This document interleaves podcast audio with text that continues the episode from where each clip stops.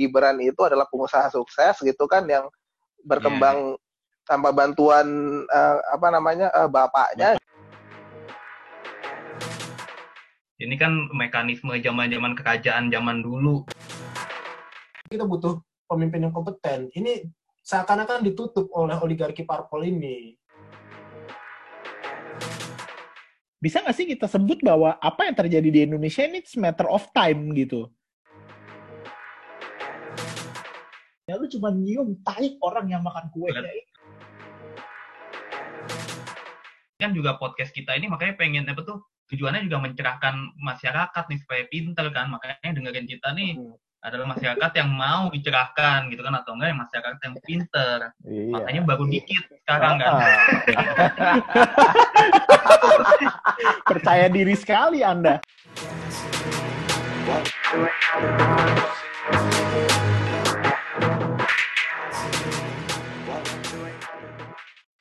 Selamat malam dan selamat datang di Salam Ngontai. Kalau biasanya Salam Ngontai itu Selasa malam ngobrol santai, akhirnya kita ubah bukan Selasa malam ya, karena udah capek kita untuk uh, upload video ini di hari Selasa. Kita ubah jadi Salam Ngontai sambil menyelam ngobrol santai. Ya, malam ini kita akan membahas topik kekinian dan juga sebuah film. Topik kekiniannya adalah tentang dinasti politik. Nah, semua pasti tahu dong apa yang kita bahas, bagaimana Pak Presiden kita sedang mengorbitkan anak kandungnya dan anak menantunya untuk menjadi pejabat publik di daerahnya masing-masing. Film apa yang mau kita bahas malam ini? Yaitu film klasik, film legendaris karya Francis Ford Coppola, yaitu Godfather. Oke, intinya adalah tentang perebutan kekuasaan keluarga mafia di New York yang terjadi di tahun berapa sih? 40-an ya? Ya, 60-an. 40-an sampai 60-an ya, karena gue orangnya mengakomodir semua orang. Dan juga menceritakan drama kehidupan keluarga mafia di New York. Oke, kembali lagi ke topik kita malam ini, dinasti politik dan Godfather. Ya sebelum sebelum uh, kita bahas lebih lanjut, mungkin ada yang mau ngasih opini atau opening remarks mengenai dua topik uh, panas kita malam ini. Siap, Bang Pete. Oke, ini yang mau ngomong adalah Bang Daung ya. Silahkan Oke. Bang Daung. Tadi udah dibahas sedikit ya, Godfather ini uh, film legendaris dan back-to-back Best Picture winner di Oscar tahun 1972-73 ya. Sebelumnya iya, kita bahas benar Bang Daung selalu mempersiapkan diri memang ya. Iya, hebat. Ini on the fly kita pilih tema filmnya kan. Itu beda nah, sama dengan pembahasan jam kita terakhir, Parasite itu juga best picture ya. Iya.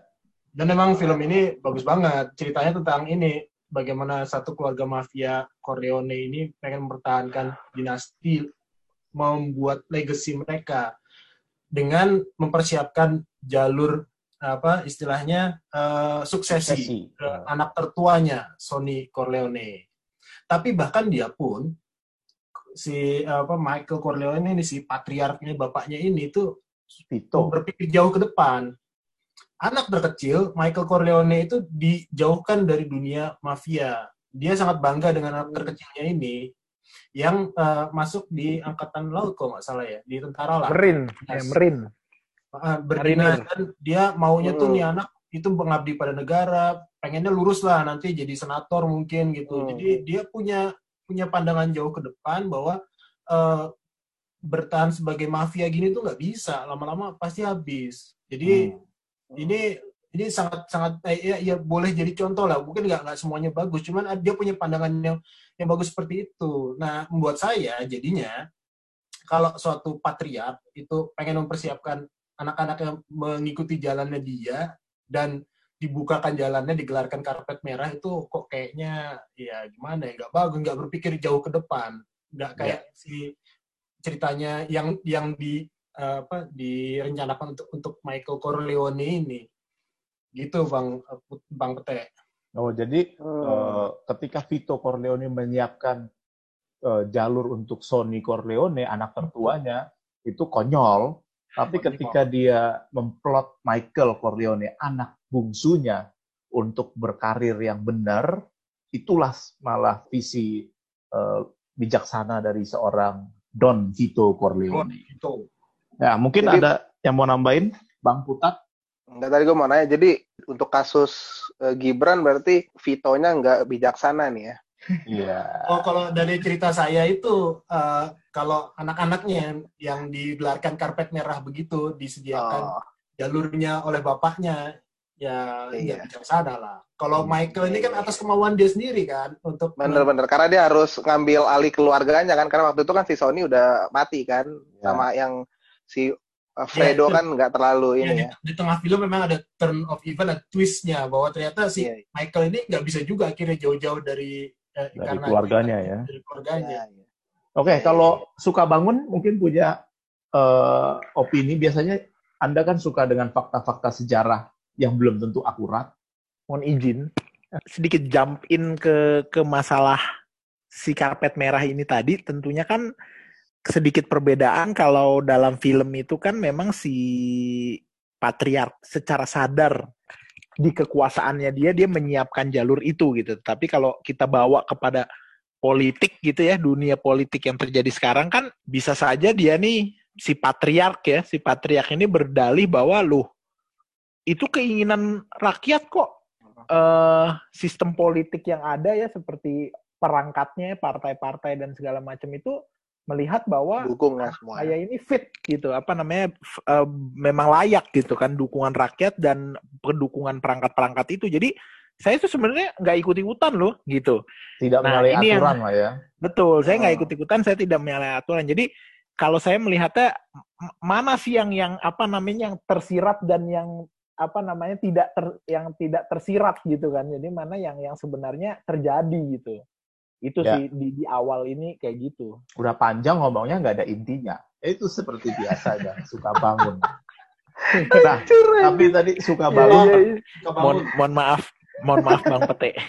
Bilang tadi tentang rakyat tentang demokrasi. Nah, kita punya ahli nih kalau ngomongin rakyat ya itu tenabang. Dia tuh selalu uh, bisa me hakimi rakyat atau di sisi lain juga menjadi eh, perwakilan dari opini rakyat. Coba Tenabang.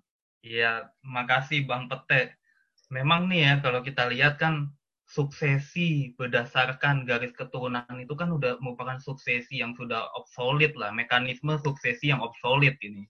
Ini kan mekanisme zaman-zaman kerajaan zaman dulu gitu kan obsolete. Buktinya kenapa sih itu nggak nggak bisa jadi sukses? Ya kita tahu kan kalau kita belajar sejarah kan kita selalu lihat kerajaan itu ada masa masa kemasan, terus habis itu ya diikuti sama uh, kemunduran gitu kan. Jadi uh, memilih pemimpin berdasarkan keturunan itu nggak menjamin pemimpin itu punya kompetensi gitu loh. Menurut saya sih rakyat ini udah harus sadar bahwa memilih pemimpin gitu jangan lagi dilihat dari garis keturunannya karena nggak nggak nggak membuktikan apa-apa. Nah kalau di film oh, itu iya. kan kita lihat ya kalau di film Godfather gitu ya ini dalam ini di, di keluarga mafia nih yang yang biasa lah itu kan bisnis keluarga aja sebenarnya lumrah ya. Tapi yeah. kita lihat kualitasnya udah beda. Sony aja itu kan si Sony itu kan sebenarnya kurang kompeten gitu loh, emosinya meledak-meledak yang akhirnya membawa celaka buat dia sendiri gitu kan. Nah itu yang sebenarnya tadinya awalnya awalnya tadi dipersiapkan oleh si Vito kan nih untuk meneruskan ternyata sebenarnya bukan anak yang paling kompeten akhirnya ada kejadian itu makanya dia uh, turun ke Michael gitu secara nggak sengaja dan Michael memang kebetulan kompeten gitu ya saat itu bisa oh. bisa apa bisa megang kendali tapi kita lihat dari situ aja kan uh, bisa bisa kita lihat bahwa kualitas anak itu ya belum tentu seperti bapaknya gitu aja nah, kan tapi ini itu iya benar benar-benar itu benar setuju apalagi gue mau contoh uh, Uh, boleh nggak? Bentar, nggak boleh. Nanti dulu dong. Moderator lagi ngomong disela. Anda terlalu ini ya. Patriark. Tidak menghargai waktu. Terlalu patriark. Nah, mau di remove aja nih. Ininya moderator. Moderator remove lah, remove lah. Jangan, saya pegang kunci. Kita self determine dong. Kita tidak berhak menentukan nasib kita sendiri dong. Sudah dulu. Gue kasih contoh dikit. Tadi kan obsolete. Tapi kita juga punya contoh nih bahwa bagaimana Lee Kuan Yew menyiapkan uh, Lee Hsien Loong untuk menjadi penerusnya dan itu dianggap sebuah contoh suksesi yang yang bisa dibilang sukses lah. Nah itu kalau menurut teman-teman gimana? Lee Kuan Yew dan Lee Hsien Loong. Ya, uh, kok kalau saya dengar kalau apa ngikutin ceritanya uh, Singapura ini, uh, kok kayak ini kayak apa, model model manajemennya Jepang kayak Toyota. Jadi Toyota itu dia suksesi kepemimpinan, jadi ini mungkin ngomongnya jadi ke corporate ya itu nggak nggak diturunkan ke ini ke keluarga ke anak gitu. Nggak hmm. tapi anak itu eh, kalau dia mau mau jadi apa jadi pimpinan Toyota itu mulai dari bawah. Jadi mereka hmm. dilepas. Kuliah di uh, di kampus uh, ya negeri atau swasta di mana tapi kampus yang berkualitas sih biasanya. Nanti mereka masuk manajemen dari bawah. Nah nanti begitu mereka sudah middle and senior management baru bisa dilirik oleh uh, ini top levelnya. Dan top levelnya juga isinya bukan orang si keluarga Toyota lagi udah udah beda lagi termasuk yang uh, sekarang ini. Uh, siapa namanya? Akio Toyota. Akio Toyota. Lalu Toyota juga dong berarti. Nah, iya maksudnya gini kalau si si anaknya ini mau mau apa mau uh, berkontribusi untuk meneruskan garis keluarga itu bisa langsung gitu aja. Dia harus dari bawah mulai masuk dari manajemen atau mungkin uh, ada juga kasus dia bekerja di tempat lain dulu sampai uh, upper senior manajemen baru nanti ditarik hmm. sama ini hmm. sama company-nya dan company-nya juga semuanya dikontrol sama ini sama keluarga yang sama ada keluarga lain juga hmm. dan terus saya mikirnya kalau si Lee Long ini mungkin gitu juga dia ditempa dulu di tempat lain secara profesional nah jalurnya mungkin ada dibuka lah buat dia walaupun nggak nggak nggak segampang yang kita kira ya ini dia nerusin bapaknya jadi prime minister gitu cuman kalau saya ngebacanya gitu dia ditempatnya di tempat lain dia membuktikan dirinya sendiri dan memang pantas mirip-mirip Michael Corleone ya, hmm. ya dari tentara nah, dulu ya itu ya itu itu impresi saya ketika nah, tenabang tenabang yeah, kan yeah, yeah. dulu mempelajari tentang Singapura ya Coba. Iya. Lama di Batam. Kan, lama di Batam. izin kami kan dulu nulis skripsi tentang Singapura. Buka kartu. Shubidi papap ya. Iyo, Coba coba. Tapi gini sih, memang kita tuh kita kalau uh, Singapura itu paling bahaya kalau dijadikan contoh. Karena Singapura itu memang semuanya serba khusus gitu loh. Dari sejarah, jadi kita lihat ya Singapura itu secara geopolitik tuh memang memang unik gitu loh mereka itu kalau kalau kalau politisi di negara lain perlu di, di uh, perlu diberikan kontrol supaya powernya nggak besar gitu ya nggak semena-mena mereka itu justru mengontrol diri sendiri supaya nggak jadi rusak karena apa ada masalah survival di sini gitu loh Singapura itu adalah negara yang nggak boleh gagal gitu loh karena hmm. sekali gagal ini adalah masalah survival mereka benar-benar mereka akan ya akan hilang dari, dari peta. Hapus dari peta hmm. gitu. Karena mereka kan di, dikelilingin dua dua negara Melayu besar nih, Malaysia sama Indonesia kan. Oh, gue pikir sama sekali nggak boleh Malaysia gagal. dan Thailand tadi atau Brunei, dua negara Melayu. Coba gini ya, apa mereka kan nggak boleh gagal.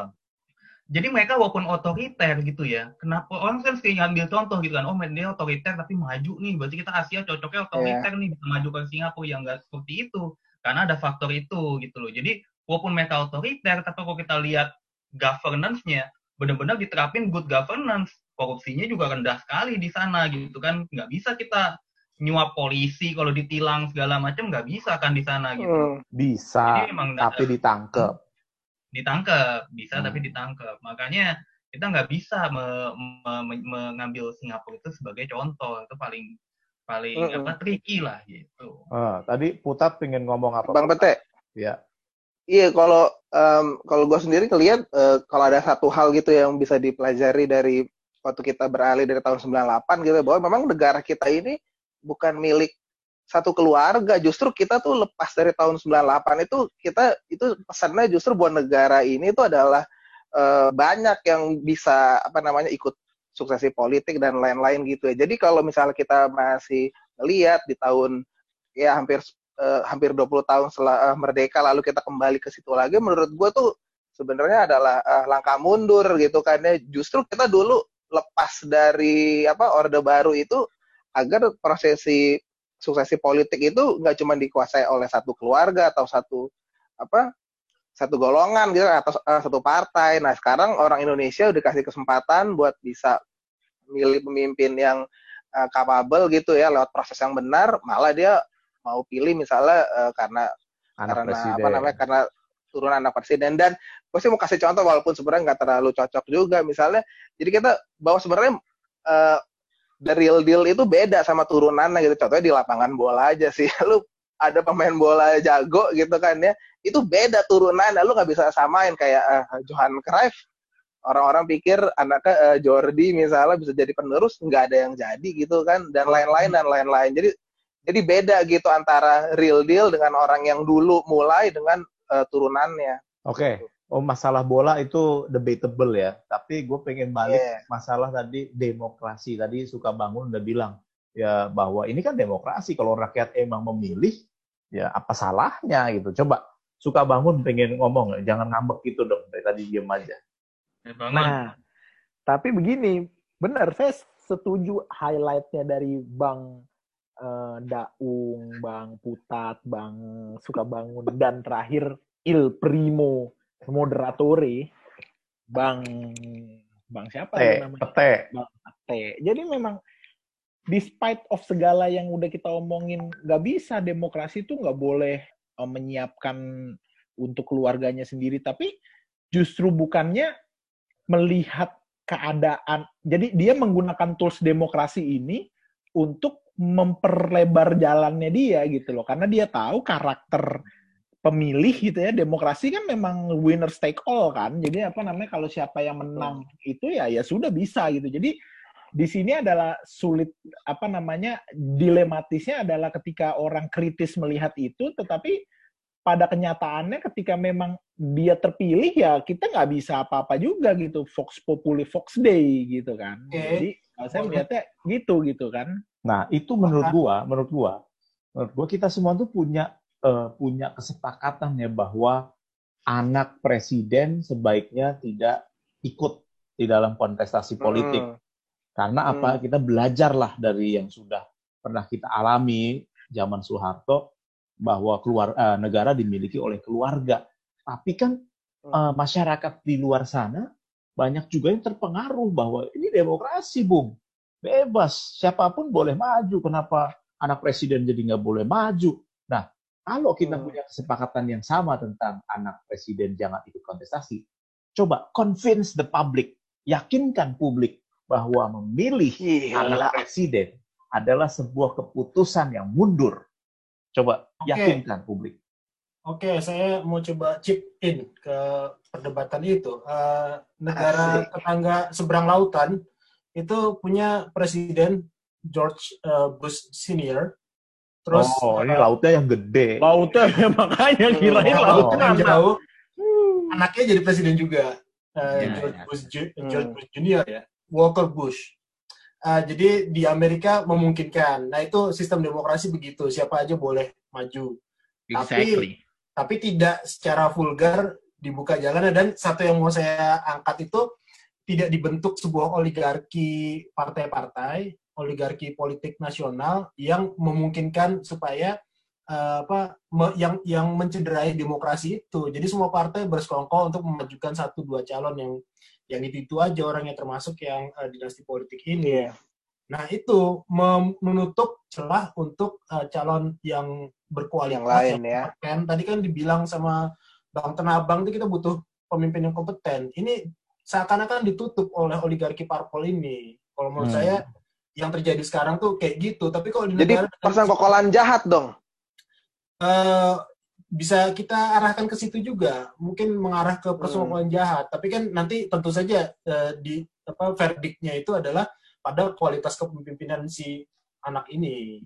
Oke. Nah, berarti eh berarti kemungkinan artinya kita juga pada satu pada satu titik kita tidak bisa membuat dia tidak maju dalam kontestasi ya kan Oh iya, Karena karena emang sah-sah Betul. aja sebenarnya. Asa aja gitu tapi Mm-mm. eh, baru kita bisa melihat pada akhirnya ini ini orang memang kompeten atau tidak gitu tapi kan itu kan hanya terjadi ketika sudah Menjabat. meskipun dia ah, ah, dia dia punya apa istilahnya namanya kayak privilege ya jadi begitu Privilege. Dalam Iya. kalau saya ini dalam dalam Iya. pencalonan eh dalam dalam nanti pada perjalanannya itu ada pembuktian sendiri tapi dalam dalam periode pencalonannya ini itu oligarki sudah itu udah matiin dari demokrasi menutup peluang orang-orang iya lain. iya benar benar benar Nah, tapi Dan memang gimana dong? oligarki oligarki kepartaian itu mungkin juga dia di mana-mana banyak uh, orang-orang yang memang dia punya punya keinginan yang yang yang apa namanya yang praktis aja gitu gimana caranya dia dapat Hmm. kekuasaan. Nah, bagaimana caranya cepat dapat kekuasaan ya mengusung orang yang punya privilege tadi gitu kan. Makanya makanya di awal tadi uh, gue udah highlight bahwa uh, bisa aja si si patron ya si si si patriark si patriark itu juga bilang loh saya nggak tahu apa-apa loh ini sistem partai yang bekerja mereka melihat eh, Hmm. apa namanya anak saya tuh ternyata kompeten yang pertama lalu yang kedua be- apa namanya eh, oleh apa mesin partai melihat anak saya kompeten terus mereka seakan-akan survei ke lapangan dan ternyata oh memang anak-anak bapak aja yang bagus nih gitu. rakyat membutuhkan gitu jadi dia dapat justifikasi gitu loh Nah, ini Anda Anda tidak meyakinkan publik untuk against Ya. suksesi. But makanya ma- kalau kalau saya bu, apa namanya kalau saya lebih melihat dari sisi bahwa ini memang sesuatu hal yang sangat eh, delicate gitu, yang kompleks gitu karena eh, apa namanya eh, sistemnya itu menyediakan peluang untuk untuk seperti itu gitu loh. Oke, Nah, oke. tapi soal tadi kita harus convince publik bahwa ini jujur aja saya belum punya sesuatu yang yang sangat meyakinkan untuk di, Hmm. di- diomongin sekarang gitu. Kalau nggak Oke. dibalik aja pertanyaannya, emangnya ada nggak sih sesuatu yang meyakinkan dari si calon ini yang membuat dia pantas dipilih gitu? Ya kalau yang saya dengar dia sudah sering seperti patriarknya belusukan. Nah, ini malah makin meyakinkan publik untuk memilih Loh, dia dong. Nah, Bang Pepe, Bang Enggak, ini kan tadi menyalahkan kan si dibalik Putat. pertanyaannya. Gue menyalahkan iya si kan? Putat, gue menyalahkan si Putat. Ngapain nanya-nanya kayak gitu? Coba tenang, Nggak, Bang, justru- tenang aja. Nggak, ju- nggak, justru mungkin bisa jadi nggak ada alasan yang cukup jelas sehingga orang eh, perlu memilih dia. Sebenarnya tidak pernah ada alasan jelas untuk memilih politisi di Indonesia.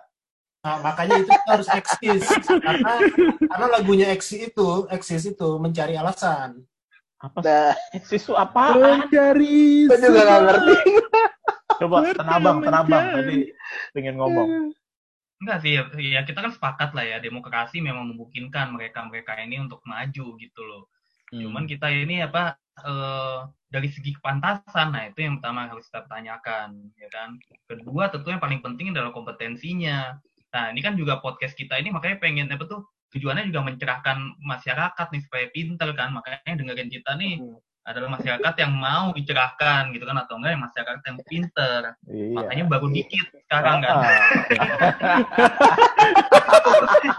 Percaya diri sekali Anda. makanya kita fokusnya itu memang pengennya ini rakyatnya bisa melihat atau tidak lagi menerima terjadinya eh, suksesi politik berdasarkan keturunan aja gitu loh. Eh, Iya. Tapi harus dilihat lagi kompetensinya. Tapi izinkan gue menjadi the devil's advocate di sini ya. Bagaimana menguji kompetensi seorang Gibran kalau dia tidak diberikan peluang untuk menjadi pejabat Exactly. publik? Itu kan yang menjadi argumen primo moderator. Eh, argumen orang-orang kan itu, ya tolong dong, Iya, kasih dia kesempatan gitu. Eh, boleh ini eh, berargumen Boleh, boleh. dicontoh Sama dari gue juga mau aja eh, berargumen, iya. Dicontoh dari bapaknya aja dia eh, apa micromanagement di untuk perusahaannya dulu bisa mempengaruhi tau- kawan-kawan apa pengusaha yang Iya. entah pengusaha furniture atau macam-macam pengusaha di Solo dan akhirnya eh, mereka ini teryakinkan oleh kemampuan bapaknya dan bisa melobi partai ya maksudnya langkahnya seperti itu tidak ujuk-ujuk partainya langsung apa meluncurkan Kasih dukungan. ke anak ini Tapi karena posisinya waktu itu berbeda, Bang Daum. Memang oke lanjut si si patriark Kalau yang ini memang- si- dia kan memang dia jadi pertama rupanya eh, jalannya dia mulai terbuka ke politik itu kan karena dia memang waktu jadi pengusaha justru katanya sih turning point-nya adalah di tahun 98 waktu waktu krisis ekonomi tapi justru Hmm. dia karena jualan mebel ekspor jadi kan memang ada ada Windfall tuh kan ada windfall profit itu kan nih gua baca dari tadi infonya Sri Mulyani sih salah satunya gitu. Jadi hmm. di situ terus dia memang ternyata punya kemampuan untuk mem, apa namanya mengkoordinatori juga para pega, apa namanya pra, apa namanya pengusaha-pengusaha yang di sana juga gitu. Jadi okay. dia memang Top. Ya itu poin saya. Jadi memang dia, di situ cuma kan gini, waktu itu nggak ada orang yang tahu Pak Jokowi, nggak ada yang tahu. Nah, tapi kalau si Gibran ini kan posisinya ini sekarang dia sudah di, di, di pucuk istilahnya kalau kata orang Sumatera di Palembang di pucuk gitu kan. Nah itu dia ini dia ini udah di endorse deh ya sama iya, sama jadi partai. Ya, istilahnya, istilahnya tadi kita balik ke mesin partai tadi pasti or orangnya yeah. kita paling gampang caranya gimana yang ngusung dia aja gitu kan dan dia diyakinkan ayo mas kamu tuh sebenarnya hebat gini gini. Nah meskipun itu tadi kita harus tahu juga sebenarnya selain bullshitannya orang partai ke dia sebenarnya prestasinya dia yang sebenarnya iya. apa ada atau enggak nah itu yang gue belum belum ketemu belum pernah lihat juga mungkin harus harus research balik ke ini lagi. Nah itu kan sebenarnya eh, maksud gue gini loh kadang-kadang selama ini orang dengar uh, si Gibran ini kan termasuk gue ya. Orang-orang bilang semua dia punya pengusaha usahanya begini nggak dibantu oleh uh, presiden, presiden. lalu usahanya merambah A B C. Tapi memang pernah ada nggak sih yang sebenarnya ngecek ya misalnya contohnya kalau perusahaannya misalnya dilihat seperti apakah dia uh, jalannya bagus, apakah uh, uh, yeah. apa uh, profitnya bagus. Maksudnya yang gini-gini tuh udah nggak pernah jadi uh, perdebatan lagi semuanya kayak udah terima. Pokoknya namanya Gibran itu adalah pengusaha sukses gitu kan yang berkembang yeah. tanpa bantuan uh, apa namanya uh, bapaknya, bapaknya gitu. Tapi sebenarnya dari cara dia masuk politik aja sudah kebalikan dengan apa ya yang selama ini gue hmm. dengar jadi gue jadi ragu sendiri jangan-jangan dia selama ini pun ber, apa menjalankan usaha bisa jadi ada endorse endorse juga bisa Gini, jadi. Kalau masih boleh berpendapat boleh gantian dulu lah tenabang dulu lah tenabang tenabang nah, kayaknya memang yang di sini kan yang kita mau serang ini adalah bukan bukan oh anak presiden nggak boleh tapi siapa pun yang maju ke politik menggunakan privilege dan hanya mengandalkan privilege ini yang bermasalah gitu loh mengandalkan privilege, oh. tapi ya memang yang mengandalkan privilege itu ya siapa lagi kalau bukan keluarga-keluarga politisi gitu kan. Ya yeah.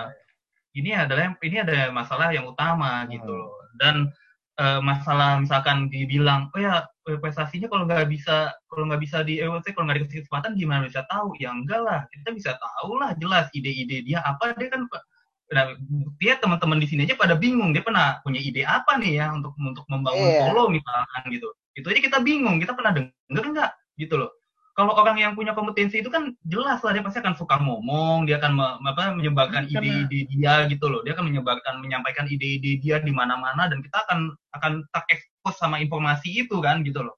Ini kan kita nggak oh. pernah terekspos informasi itu. Ini apa nih dia mau di Solo apa yang mau dia bawa gitu loh? Apa sih goal ya, dia ya. nih gitu loh Istilahnya kita dengar kan gitu. Orang yang kompeten sebenarnya nggak perlu berkampanye lagi ya, nggak perlu di endorse lagi karena kita akan iya. merasakan hmm. kompetensinya dia. Akan lagi, merasakan pasti. Uh, Bang Daung mau ngomong apa Bang Daung? Argumen. Ya, apa? tadi saya kembali ke pernyataan saya oligarki ini mencederai demokrasi. Jadi uh, oligarkinya pada kebelet, pengen cari calon yang gampang gitu. Nah, tanpa oligarki misalkan ya, uh, artinya kalau diibaratkan tadi tidak disediakan karpet merah itu misalkan si Gibran ini dulu tidak boleh ambil proyeknya Pemkot Solo gitu. Secara secara apa ini secara ekonomi lah dia dibatasi sama bapaknya. Tapi kenapa dia dikasih karpet merah ketika bicara soal uh, ini politik politik ini? Iya. Tuh. Mm -hmm. Jadi hmm. oligarki ini sekali lagi udah, udah bermain aja mereka. Tapi tadi ada hal yang apa yang bagus diangkat oleh Tenabang kita ngomongin Gibran dan mungkin juga ada si Bobby ya di Medan ya. Hmm. Itu kan cuman cuman perwakilan perwakilan dari permasalahan yang ada di Indonesia kan bahwa seorang politisi itu kebanyakan yang menang punya privilege, benar nggak? Iya. Yeah. Dan bahwa yeah. politisi yang berkuasa ingin mempertahankan uh, kekuasaan Udah pasti mereka lah. dengan memberikan privilege-privilege ke orang-orang terdekat mereka. Jadi bukan kita ya. di sini menyerang sosok Gibrannya, bukan menyerang sosok Jokowi, tapi keseluruhan nah. abiat politisi-politisi di Indonesia ini emang brengsek. Seperti itu. Betul. Nah, cuman kita ini kan menghadapi uh, masalah atau tembok yang maha besar yaitu masyarakat kita emang nggak sadar bahwa oligarki nah. sedang menginjak-injak uh, harga harkat diri mereka, dan martabat rakyat dan Betul. itu rakyat. dikencingin kita kita itu tujuan podcast kita memang pengen mencerdaskan orang nih hey bangkit lah inilah apa ada lah gitu. Ya, ya, ya. Makanya tidak ada yang dengerin ya, karena tujuannya Iya, makanya nggak ada yang dengerin. Sadar bahwa suksesi politik yang ideal itu dibangun berdasarkan kompetensi, saringannya jelas gitu. Jadi memang uh, orang-orang yang menduduki posisi politik itu adalah orang-orang yang kompeten. Nah, kalau kita tapi orang kita, kompeten kan hasilnya pasti akan bagus gitu loh. Nah, kalau kalau sekarang ini kan tidak. Nah, itu yang mau kita yang kita yang mau kita sadarkan gitu loh bahwa ya ya stop lah tapi harus dari masyarakat karena ini kan demokrasi demokrasi itu kan tergantung selera pasar kan kalau pasarnya masih masih hmm. permisif terhadap terhadap uh, dinasti politik atau apa pun itu ya kan itu akan langgeng gitu loh tapi kalau kita putus gitu selera pasar bilang oh gue nggak mau lagi lihat yang kayak begini-begini ya itu akan hilang juga hmm. nggak mau kan gitu. tapi coba kita sekarang benchmarking ya bisa nggak sih kita sebut bahwa apa yang terjadi di Indonesia ini it's matter of time gitu kenapa harus di saat ini gitu kan? Karena si oligarki melihat kalau dia sebenarnya nggak yakin juga dengan kompetensi orang yang mau diusung sama dia. Harusnya kan kalau mau dari bawah kan pelan-pelan sampai nanti misalnya patriarkatnya udah selesai duluan, bapaknya baru nanti anaknya maju. Ini kan seakan iya. didorong untuk sekarang nih soalnya kalau nggak rakyat keburu lupa langsung dikarbit lah gitu ya jadi rasanya itu mungkin yang menjadi poin yang harus kita serang gitu, kita kritik ya dari karakter politik di Indonesia gitu nggak sih? Menurut menurut saya sih begitu gitu. Bahwa bahwa ada orang yang bapaknya dulu pegawai men eh pegawai menteri lagi. Perdana menteri. anaknya pengen jadi pegawai eh perdana menteri juga ya kenapa tidak? Boleh-boleh aja gitu kan. Tetapi kan bagaimana dia menapaki jalan itu yang yang harus kita soroti juga gitu kan. Uh, kalau gue bilang ya apa fakta bahwa dia didukung sama partai yang sama gitu yang memang sebenarnya sudah kita tahu adalah partai oligark di Indonesia. Ada ya ada partai A B C D. Sebenarnya eh, harusnya tuh membuat orang yang nanti memilih juga berpikir juga apa kalau yakin akan ada hal yang berbeda gitu yang akan di yang akan dibikin gitu ya? Karena dia didukung oleh partai yang sama lalu dia mempunyai visi misi yang sebenarnya juga kurang jelas gitu ya. Jadi jangan harapin ada uh, perubahan gitu ya. Kalau yang pengusungnya dan orang yang tampil sebenarnya orang yang itu itu juga gitu. Jadi memang kadang-kadang orang tuh harus mikir nih yang milih nih. Dia nih mau iya. apa sih? Kira-kira bisa nggak sih ini hmm. persis yang diomongin tanah abang tadi bahwa uh, partai hmm. di kita di Indonesia akan selalu men mensodomi masyarakat dengan untuk mempertahankan posisinya kan uh, ya? butuh bahwa ini butuh kekuatan rakyat di sini kan nah Masalahnya apa?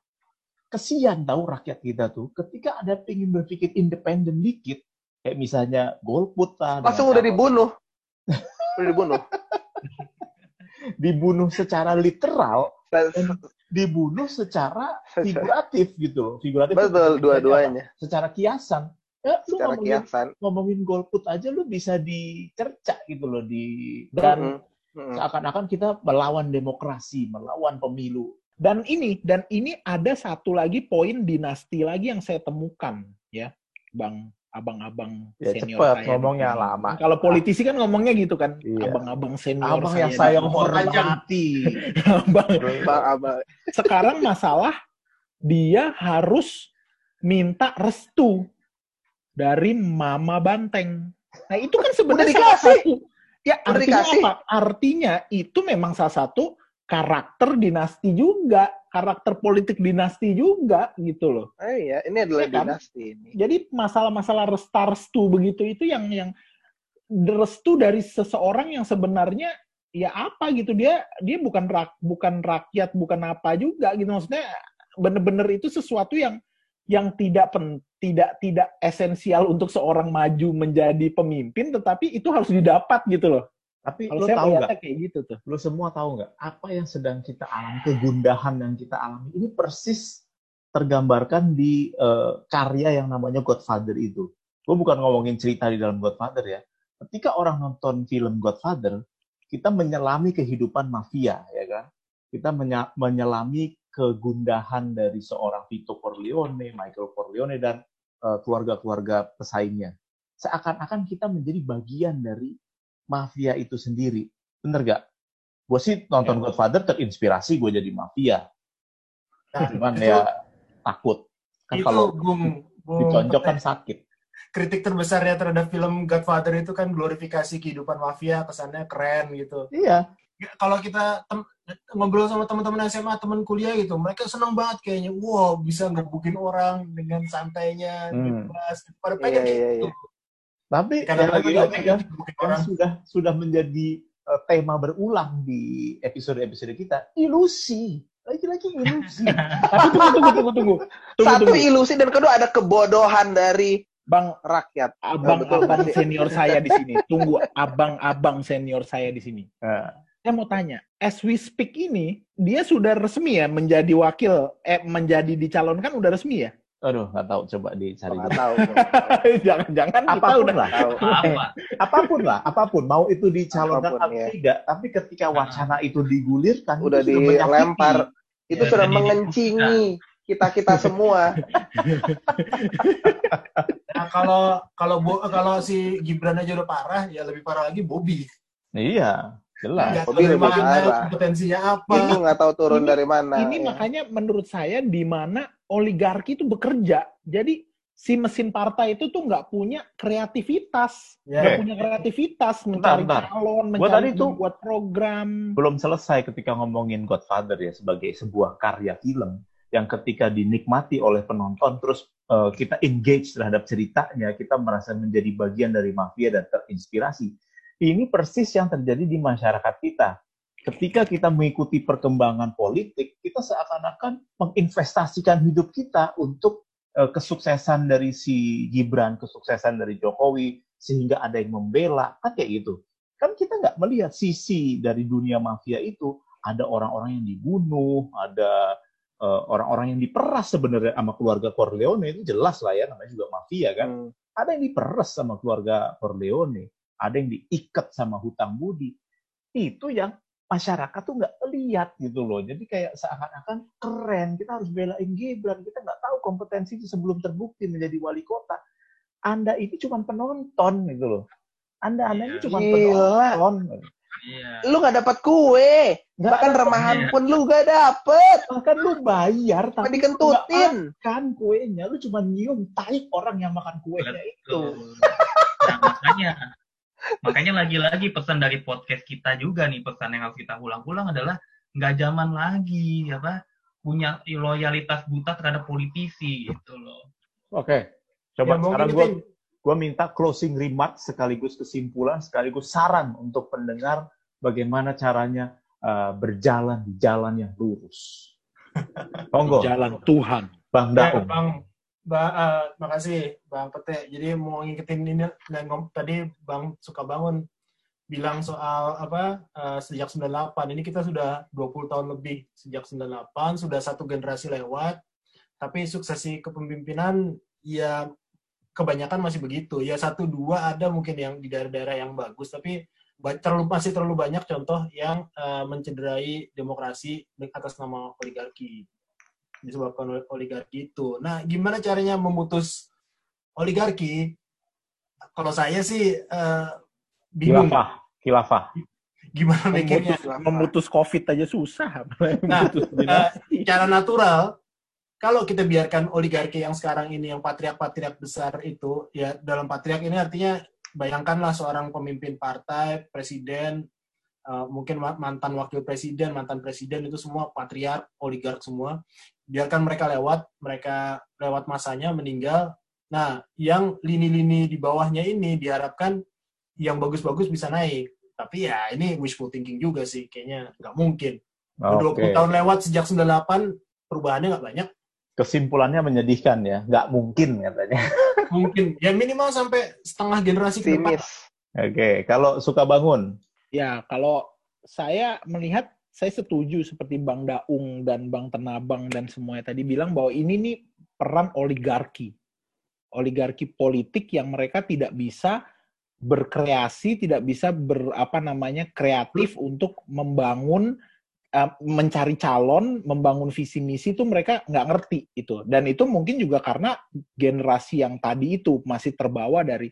Tetapi uh, outlooknya ke depan saya kira uh, memang ini evolusi bukan revolusi. Jadi istilahnya akan selalu berkembang terus gitu. Jadi uh, apa namanya orang-orang seperti kita ini juga mungkin yang meskipun sedikit banget tapi bisa memberikan apa namanya kontestasi pemikiran buat masyarakat ya mungkin kita harus nunggu 20 30 tahun lagi hmm. sampai kita akan mencapai suatu kematangan yang lebih baik daripada sekarang gitu sih oh, cukup gitu. ini ya memberikan harapan ya bahwa ya. setidaknya terjadi diskusi-diskusi uh, sampah ya, seperti ini ruang, ya. betul di ruang-ruang masyarakat tuh masih terjadi oke okay, coba uh, utat kalau gue menyambung yang disampaikan oleh bang uh, suka bangun gitu ya. Jadi memang uh, ajakan ke orang gitu ya ke yang calon pemilih dan lain agar selalu mempertanyakan mempertanyakan bikin ruang diskusi di mana-mana gitu ya. Jangan cuma mau terima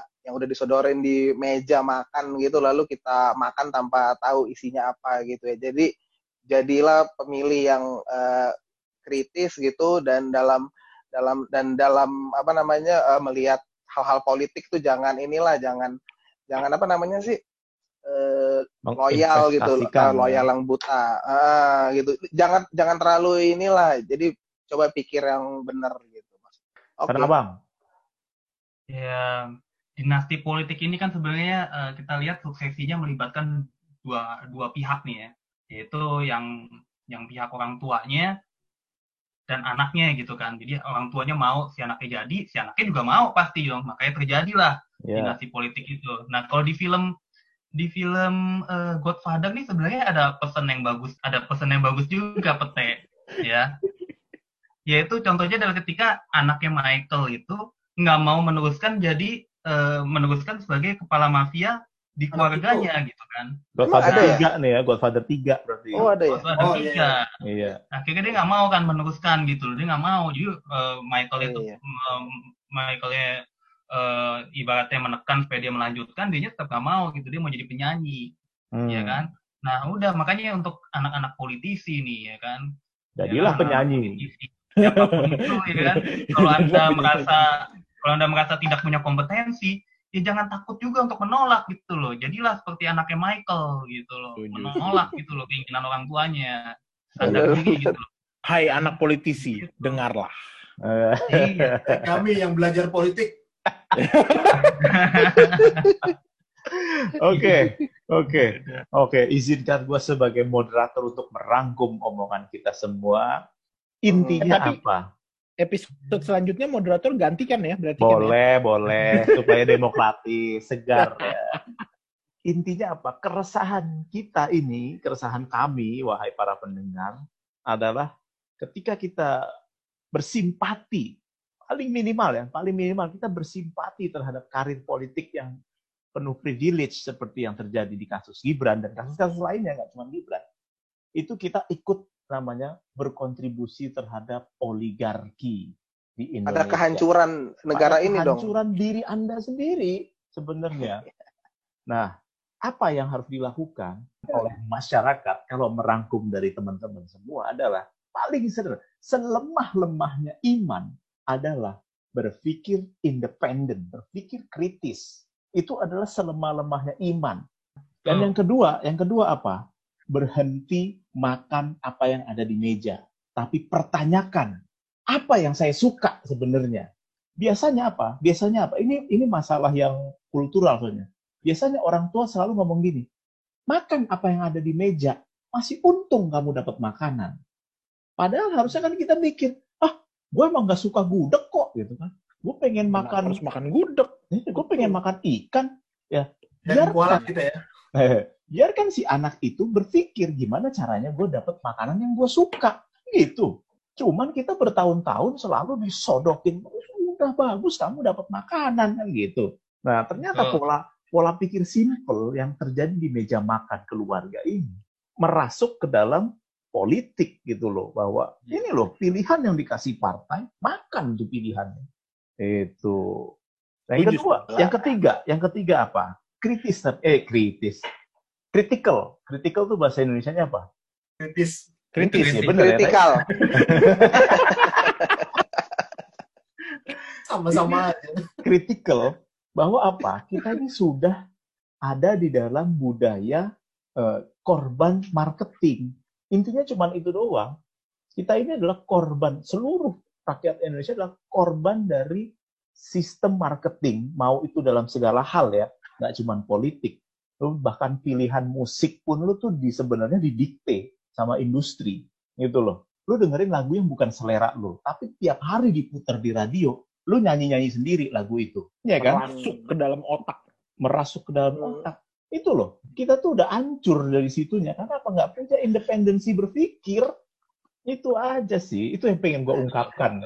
Merangkum Betul, betul. teman-teman semua gitu. Jadi eh, terima kasih banyak untuk para pendengar mau mengorbankan waktunya eh, mendengar Sebanyak kita. eh, berapa menit? Oh lama ini, lama ini. Mungkin lebih dari 30 menit eh, publik sudah mendengar celotehan sampah. Tapi harapan kita besar untuk para pendengar kita yang jelas-jelas manusia-manusia terpilih Indonesia. Ya, betul, betul. Harapan kita besar. Please, please, kembangkanlah independensi Anda. Betul begitu teman-teman? Betul. Betul. Setuju. Wah, luar biasa. Kalau begitu saya Tagline-nya, tagline-nya keren tuh. Pemisah kita tuh adalah eh, manusia-manusia yang terpilih. Gitu. Tapi itu kayak majelis, itu kayak majelis apa? Majelis Lucu. lucu, Indonesia tuh.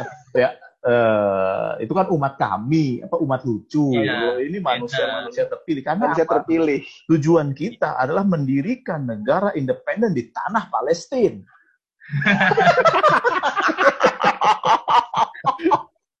Mungkin harus dipotong ya kata-kata ini. ya Nggak apa-apa, masih aman itu, masih aman. masih aman ya oke Memang itu tujuan kita bersama ya.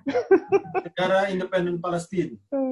Kalau gitu saya tutup episode malam ini. Kita akan jumpa lagi di episode berikutnya di acara Salam Ngontai sambil menyelam ngobrol santai. Terima kasih. Goodbye.